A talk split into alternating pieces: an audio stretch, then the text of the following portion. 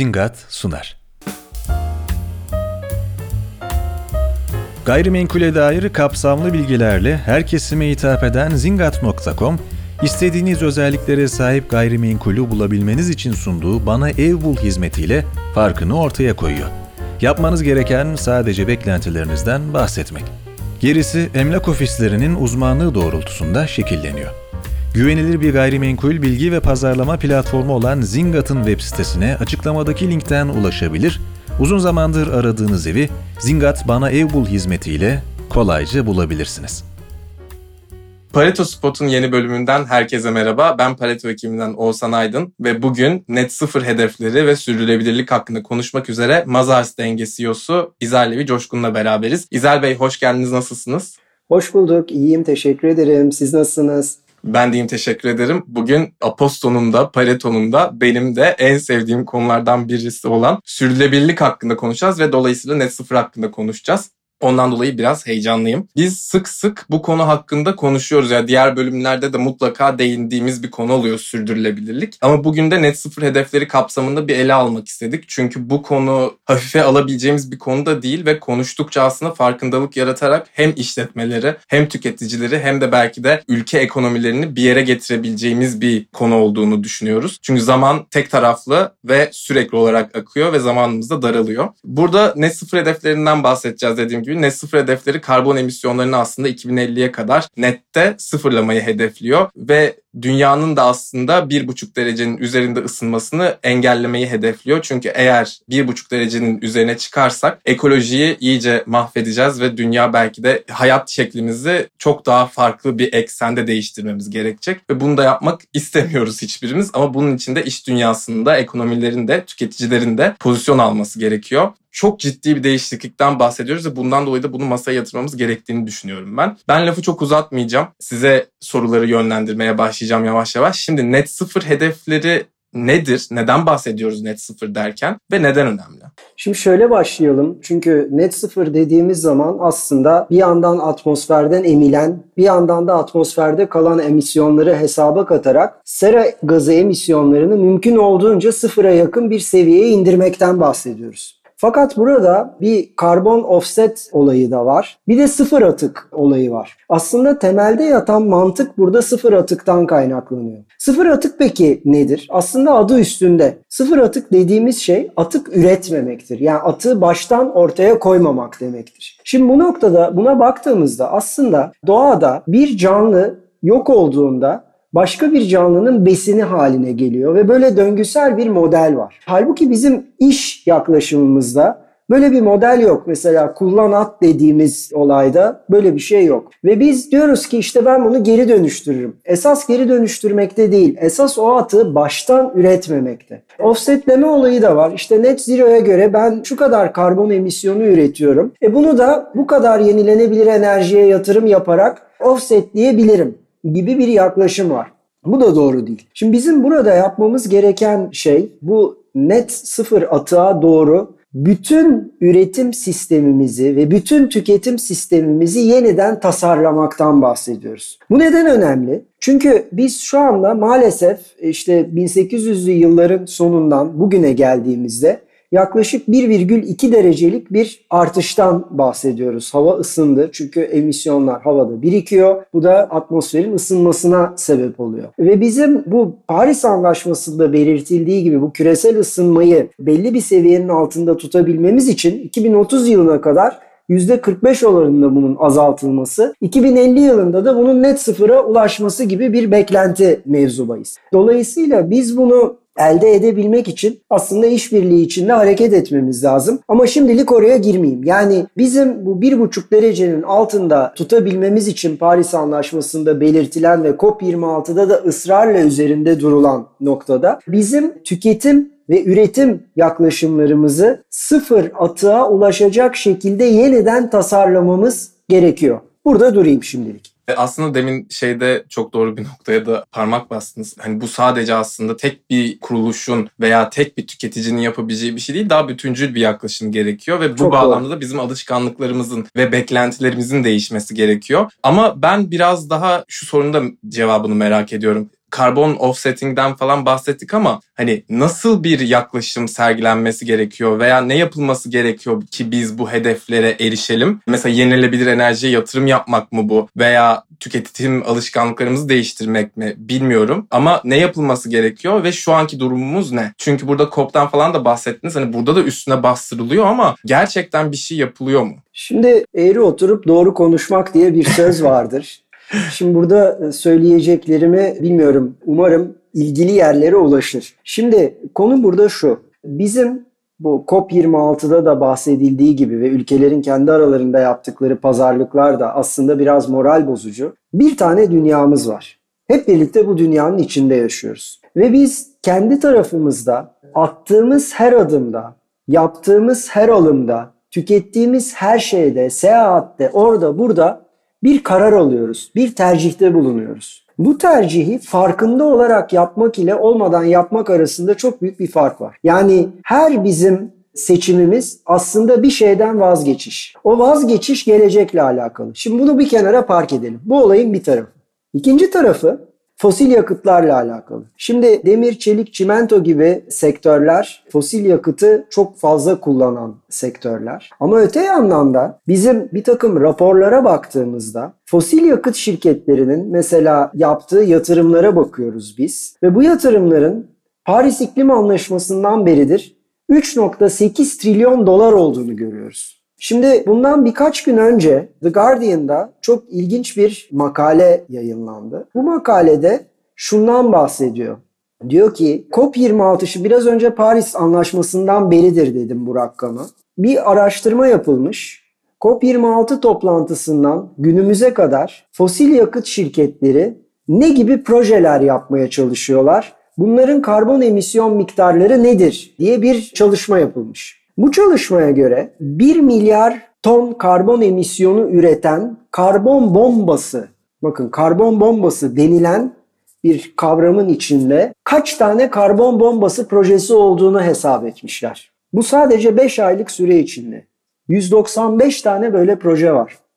Yanlış duymadınız. 195 tane proje var böyle. Şimdi bunların yani toplam kümüle etkisi dünyanın işte karbon emisyonlarının kaç yani hepsinin bir de bir yılda yapılan projeler değil bunlar. Uzun bir zaman içinde yapılan projeler. 18 yıllık dünyanın bütün karbon emisyonuna bedelmiş bunlar. Şimdi biz bunlardan vazgeçmezsek eğer bu iş olmayacak. Yani bizim hem Paris Anlaşması'nda hem COP26'da bahsi geçen ve şimdi birçok standardın çıkmasıyla birlikte şirketleri belli stratejiler doğrultusunda sürdürülebilirlik hedeflerine doğru kanalize eden kurallar. Biz bunları yapmazsak eğer hiçbir anlam ifade etmiyor. Yani diyorsunuz ki böyle bunlar konuşuluyor ama günün sonunda fosil yakıt şirketleri vesaire falan aslında o kadar da bu konuda adım atmıyor gibi her ne kadar kağıt üstünde bunlar yazılmış olsa da. Şimdi dünyada şu anda yenilenebilir enerji kaynaklarından üretilen enerji ciddi bir şekilde artarak %28'e yakın bir rakama ulaştı. Tabi bunların içinde hidroelektrik santralleri de olabilir. Ben hidroelektrik santralleri yenilenebilir enerji kategorisine bu benim şahsi görüşüm. Lütfen kimse yanlış anlamasın. Koymuyorum. Ama burada bizim bu dengede fosil yakıt ile yenilenebilir enerji kaynaklarındaki oranları yenilenebilir tarafına döndürmediğimiz sürece bizim bu karbon emisyonlarını aşağı çekmemiz mümkün değil. Ve her geçen 5 yıl içinde maalesef bizim hedeflerimiz değişiyor. Biz bunu yapmadıkça daha fazla karbon emisyonunu aşağıya çekmek durumunda kalıyoruz. Hep bunları konuşuyoruz, konuşuyoruz ama yapmadıkça faiziyle geri geliyor. Faizi bravo. Aynen öyle. Aynen öyle. Faiziyle geri geliyor ve artık ulaşılmaz bir şey oldu. Yani %3,5 düşürmek gerekirken işte şimdi %14 düşürmek gerekiyor. 3-5 senede böyle devam ederse işte %20'nin üzerinde düşürmek gerekecek. E bu, bu, bu böyle bir şey mümkün değil. Ve hani ekonomik olarak da gittikçe zorlaştıran bir pozisyona doğru gidiyor. McKinsey işte yaptığı bir araştırmada diyor ki 2050'ye kadar 275 trilyon dolarlık bir harcama yapılması gerekiyor. Bu dönüşümü sağlayabilmek, net sıfıra ulaşabilmek için. E siz şimdi eğer hiçbir şey olmamış gibi davranırsanız ve karbon emisyonu sürekli olarak arttırırsanız aslında mesela size sonra mesela 20 sene içinde bu kadar parayı harcamanız gerekiyor dediklerinde ekonomik olarak da çekilebilir bir yanı kalmıyor. O yüzden acil aksiyon alınması gerekiyor diye düşünüyorum. Tamamen en fikrim. Yani burada problematik olan bir konu daha var. Net sıfırla birlikte gelen bir takım taahhütler var. Diyor ki ben şu zamana kadar şunu yapacağım. Ya peki bugün ne yapıyorsun? Ya bizim bugün bugün bir şeyleri yapıyor ol. Greta bunu çok söylüyor. Ya diyor ki tamam taahhüt ediyorsun da bugün ne yapıyorsun? Ee, bu soruya bu soruya cevap verebilmek gerekiyor. O yüzden böyle bu kadar yılda şunu yapacağım falan filan derken bizim bugünü de kurtaracak şekilde hareketlerimizi bir sistematiğin içinde düşünerek farkında olarak sorumluluk alarak ve bu doğrultuda aksiyona geçerek yani sadece konuşmak yetmiyor aksiyona kesinlikle çok hızlı bir şekilde geçmek gerekiyor. Burada da dediğim gibi iki şey çok önemli. Bir en başta dediğimiz gibi işbirliği ve bu işbirliği içinde farkındalık bunun oluşması. İkincisi de bizim kararlarımızı ne şekilde aldığımızın belirlenmesi. Yani burada şunu söylemek istiyorum. Maalesef konfor alanımızın dışına çıkmamız ve aktivitelerimizi azaltmamız gerekiyor.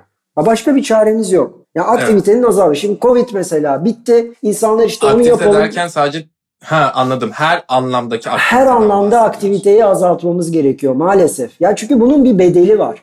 Şimdi bu bedeli biz şu anda bu bedelle ilgili bir aksiyona geçmediğimiz zaman bu bedeli habire öteliyoruz ve gelecek kuşakların evet. sırtına bildiriyoruz. Nedir sürdürülebilir kalkınmanın tanımı? Bugünün ihtiyaçlarını gelecek kuşakların kendi ihtiyacını karşılama kapasitesinden ödün vermeden karşılamak. E şimdi biz bunu devamlı dışarıya yükleme yaparak gelecek kuşaklara nasıl yapabiliriz? Mümkün değil. Konu bu. Evet. Peki fosil yakıtlardan vesaire bahsettik de şimdi tabii ki bazı sektörler daha çok kirletiyor veya bazı sektörler daha çok emisyona neden oluyor. Hangi sektörler karbon emisyonunu azaltma ve sürdürülebilirlik kapsamında önem teşkil ediyor? Yani nereler ilk başta hedef alınmalı? Şimdi biraz önce de belirttiğim gibi burada mesela çimento sektörü çok önemli. Tabii madencilik bunun başında gelen sektörlerden bir tanesi. Bu konuya çok dikkat etmek gerekiyor. Demir çelik sektörlerinde de çok ciddi karbon emisyonu kullanılıyor. Ama burada dikkat edilmesi gereken başka bir husus daha var. Bu da önemli. Şimdi biz dünyadaki nüfusun ciddi bir bölümü şehirlerde yaşıyor. Ve şehirlerdeki nüfus da gittikçe artıyor. Şimdi gittikçe artıyor şehirlerdeki nüfus. Biz ne yapıyoruz? Biz diyoruz ki efendim insanlar şehirlerde toplandıkları zaman e, bir takım şeylere ulaşmaları çok daha kolay oluyor. Bir takım üretime ulaşmak da daha kolay oluyor. Tüketime ulaşmak da daha kolay oluyor. Servise ulaşmak daha kolay oluyor. Fakat Covid'de ne gördük biz? Covid'de gördük ki aslında şehirde yaşıyor olmak o kadar iyi bir şey değil. Ama şehirde yaşayam yaşamayı daha da fazla özendiriyoruz. Ne yapıyoruz? Mesela akıllı şehirler yapıyoruz. Ben hep diyorum ki bu şehirleri değil akıllı süper zeka yapsak bu nüfusu kaldırmaz.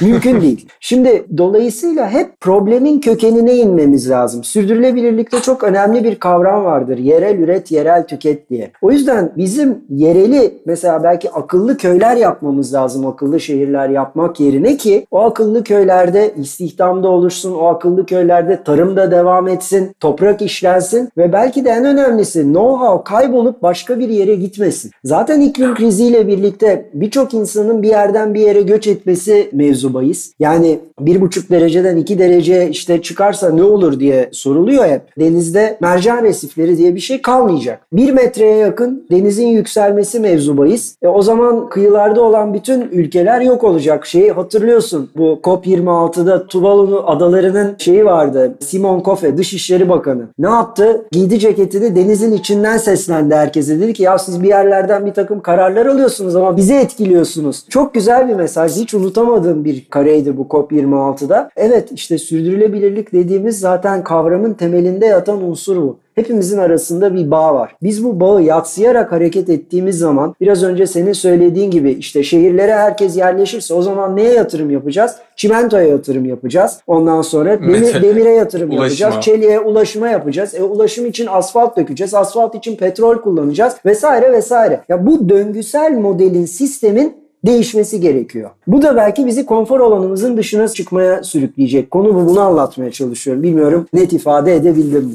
Yok yok gayet net ifade ettiniz. Katılıyorum size ama tabii ki bu dönüşümü yaşamak da çok kolay değil. Hem yani ekonomik bir güç de gerekiyor bununla beraber hem de insanların, kitlelerin artık hani bakış açılarını değiştirmesi gerekiyor. Bununla ilgili belki de politika değişikliklerinin yapılması gerekiyor artık. Ve hani aslında gerçekten ciddi bir dönüşümden bahsediyoruz. Bunu da şöyle söyleyebiliriz. Ben yine McKinsey'nin raporundan aldım bu rakamları da. Hani baktığınızda 2050'ye kadar kömürün enerji için üretiminin sıfırlanması gerekiyor. Yani artık kömür enerji üretiminde kullanılmaması gerekiyor. Aynı şekilde mesela doğal gaz ve petrol üretiminin sırayla %55 ile %70 oranında azaltılması gerekiyor. Ve burada bir e, sektör var. Bu da küçük azımsanacak bir sektör değil. Bunun da daralması gerekiyor. Ve bu bağlamda da daha sürdürülebilir iş modellerinin aslında hayatımıza katılmasıyla 180 milyon işin ortadan kalkması bekleniyor ve 200 milyon yeni işin de yerine gelmesi gerekiyor. Ama bu istihdamda da önemli bir değişiklik yaratıyor ve bu da aslında denklemi gittikçe karmaşıklaştırıyor. Ya acil aksiyon alınması gereken bir konudan bahsederken bir o kadar da karmaşık bir sorundan bahsediyoruz. Çünkü sizin dediğiniz gibi insanlar şehirlere geliyorlar ama hani hiç kimse belki de işte asfalt dökülmesi gerektiğini, ulaşıma yatırım yapılması gerektiğini, fosil yakıtların kullanılacağını falan filan düşünmüyor. Ama bunların da değişmesi gerekiyor. Şimdi benim sorum dediniz aslında 2030'a kadar veya 2025'e kadar şirketler belirli hedefler koyuyorlar ama hani bugün de bir şey yapmadıktan sonra ne anlamı var dediniz. Ama ben yine de soracağım ya iş dünyası ve ekonomiler sürdürülebilirlik ve net sıfır hedefleri ekseninde ne kadar hazırlıklılar? Yani hazırlıklı olmadıkları için mi bir şey yapmıyorlar yoksa istemedikleri için mi bir şey yapmıyorlar? İkisi de var. Şöyle Veya söyleyeyim. yapmamalarındaki şey nedir yani motivasyon nedir onu merak ediyorum. Şimdi buradan sürdürülebilirlikten kurumsal sürdürülebilirlik kavramına dönmek istiyorum. Kurumsal sürdürülebilirlik dediğimiz zaman bizim aklımıza gelen konu şu olmalı. Yani yapılan işlerle doğanın kaynakları arasında bir dengeyi oturtmak ve bunu yaparken de gelecek kuşakları düşünmek. Şimdi bu yaklaşıma maalesef sahip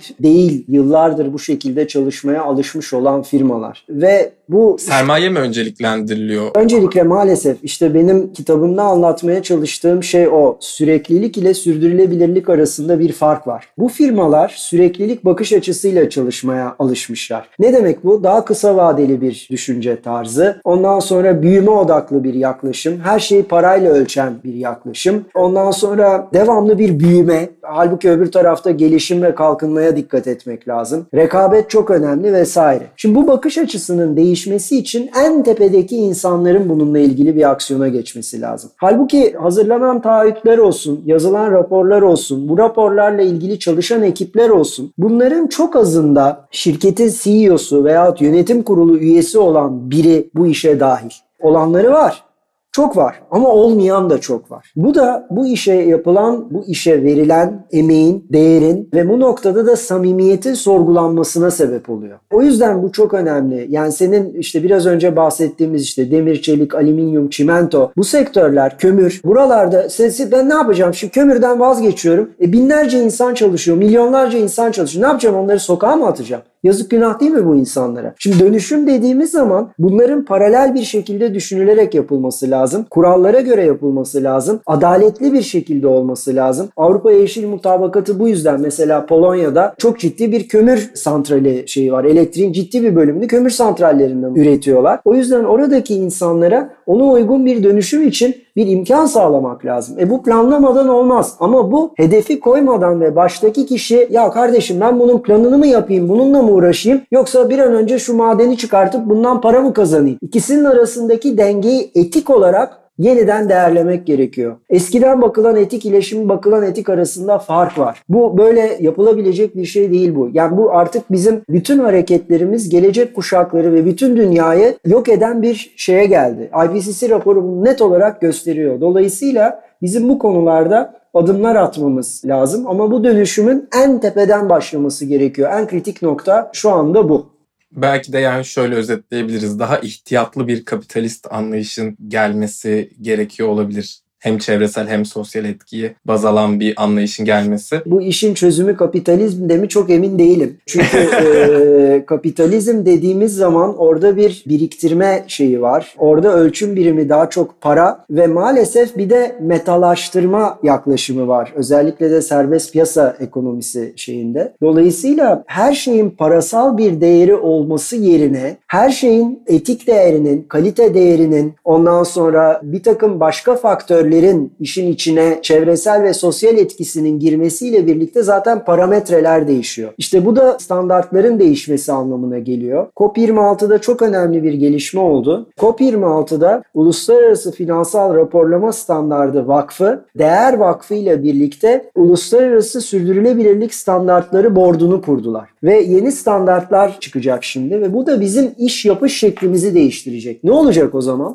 Finansal verilerin yanında finansal olmayan verilerde bu tabloların içinde direkt olarak gösterilme zorunluluğuyla karşı karşıya kalınacak. Şirketler iş modellerinde, stratejilerinde sürdürülebilirlikle ilgili finansal olmayan parametreleri paydaşlarıyla paylaşmak zorunda kalacaklar. E, o yüzden de Greenwashing'dan uzak bir şekilde herhalde. Aynen öyle. O yüzden de firmaların gerçek yüzü ortaya çıkacak. Ve bu denetimden geçecek. O yüzden Yargı günü geliyor. e, e, yani bunlar adım adım olacak olan şeyler zaten olması gereken şeyler. Yani biz bir tarafta şunu şunu şunu yapacağız deyip de bunun temelindeki matematik modeli buna uydurmazsak boşuna konuşuruz. Yani buna göre kurallar da değişecek. İşte e, vergi kanunları da değişecek. Hukuki kanunlar da değişecek. Yani iklim kırım, işte doğa kırım gibi kavramlar yeni yeni literatüre girmeye başladılar. Yani bunlarla ilgili kurallar çıkacak. Yani bir takım firmalara belki çok farklı cezalar verilmeye başlanacak. O yüzden buradaki en başa tekrar geri dönersek bizim hakikaten bütün iş modellerimizi bu sıfır atık mantığıyla yani doğayı taklit ederek doğa nasıl bir döngüsel model yaratıyorsa benim girdilerim nedir? Benim aktivitelerim nedir? Benim çıktılarım nedir? Benim sonucum nedir? Ve sonuçta ben iklim krizini daha beter bir hale mi sokuyorum? Yoksa orada bir ben pozitife döndüren bir icraat içinde miyim? İşte bunun böyle döngüsel şekilde çalışacak modellerle işlemesi gerekiyor. Ama maalesef buna daha uzağız. Peki şirketler nasıl bir yatırım yapsınlar veya nasıl bir yol haritası izlesinler ki daha sürdürülebilir ve net sıfır hedefleriyle paralel şekilde operasyonlarını yeniden şekillendirebilsinler? Şimdi bu dünyada farklı, Türkiye'de farklı. Türkiye'de bu konularla ilgili çalışan çok güzel bir dernek var. Entegre Raporlama Türkiye Ağı diye. Başında da Profesör Doktor Güler Aras var. Ben firmaların bir kere bunların ERTA'nın, ERTA diye geçiyor, web sitesini takip etmesini tavsiye ediyorum. Çünkü orada hakikaten güncel bütün gelişmeler yazıyor. Bunun haricinde Türkiye Aile İşletmeleri Derneği var. Ben de üyeyim. Orada bir Kuzey Yıldızı yarışması vardı. Biz o yarışmayı bir programa çevirdik. Ve o program programda da B Corp'la, Benefit Corporation'la bir anlaşma yaptık. Onların sorularını Türkiye standartlarına göre çevirerek 200'den fazla soru var orada. Bunu bir programa çevirdik ve bu programda bir takım puanlarla aslında firmaların sürdürülebilirlik yolculuklarına hazırlanmalarını sağlamaya çalıştık. Çünkü sorduğun soruda her firmanın kendine has bir sürdürülebilirlik yolculuğu var, kendine has bir iş modeli var, kendine has bir üretimi var, kendine has tedarikçileri var. Şimdi en basitinden kapsam 1, kapsam 2, kapsam 3 denilen karbon emisyonlarının ölçülmesinde her firmanın kendine has uyguladığı metodoloji aynı olabilir ama yapması gereken şeyler birbirinden farklı olabilir. Dolayısıyla Özellikle de karbon 3 emisyonlarını hesaplamak kolay bir iş değil. O yüzden firmalara böyle yol haritaları çizen birçok kurum ve kuruluş var. Standartları yakın takip ederek özellikle işletmelerin başında bulunan kişilerin bu konularla alakalı farkındalıklarının artması çok çok kritik. Yani bu farkındalık üst seviyede artmadan alt seviyede yapılan çalışmalar maalesef yeterli verimi sağlayamıyor.